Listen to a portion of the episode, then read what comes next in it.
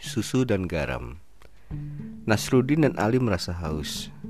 Mereka pergi ke sebuah warung untuk minum. Karena uang mereka hanya cukup untuk membeli segelas susu, maka mereka memutuskan untuk membaginya. Kamu minum dulu setengah gelas, karena aku hanya punya gula yang hanya cukup untuk satu orang. Aku akan menuangkan gula ini ke dalam susu bagianku, kata Ali. Tuangkan saja sekarang, dan aku akan minum setengahnya, jawab Nasrudin.